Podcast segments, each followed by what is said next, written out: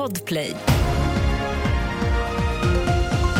Och här är en nyhetsuppdatering. Mängden insmugglad narkotika som upptäcks ökar. Förra året tog tullen mer än 11 ton knark. Det är mer än dubbelt så mycket som föregående år. Framförallt är det mängden cannabis, amfetamin och kokain som ökat. Det har varit högljudda protester inne i riksdagen under förmiddagen och en person är misstänkt för våldsamt motstånd. Vår reporter Jens B Nordström berättar mer. Alla tillhör olika Palestinagrupper och har varit här för att meddela sitt missnöje med regeringens förda politik. Eh, och de argumenterar också för att de tycker att regeringen har lyssnat för dåligt för, på eh, deras synpunkter och därför menar de på att de har rätt att störa debatten i kammaren.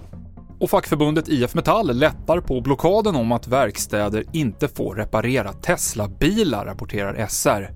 Bilar som är så kraschade att de är okörbara ska få lagas mellan 19 februari och 30 april.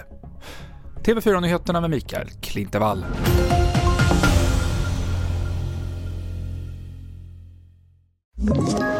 Ett poddtips från Podplay. I podden Något Kaiko garanterar östgötarna Brutti och jag, Davva, dig en stor dos skratt. Där följer jag pladask för köttätandet igen. Man är lite som en jävla vampyr. Man har fått lite blodsmak och då måste man ha mer. Udda spaningar, fängslande anekdoter och en och annan arg rant. Jag måste ha mitt kaffe på morgonen för annars är jag ingen trevlig människa. Då är du ingen trevlig människa, punkt. Något Kaiko, hör du på Podplay. Därför arkadeinerna.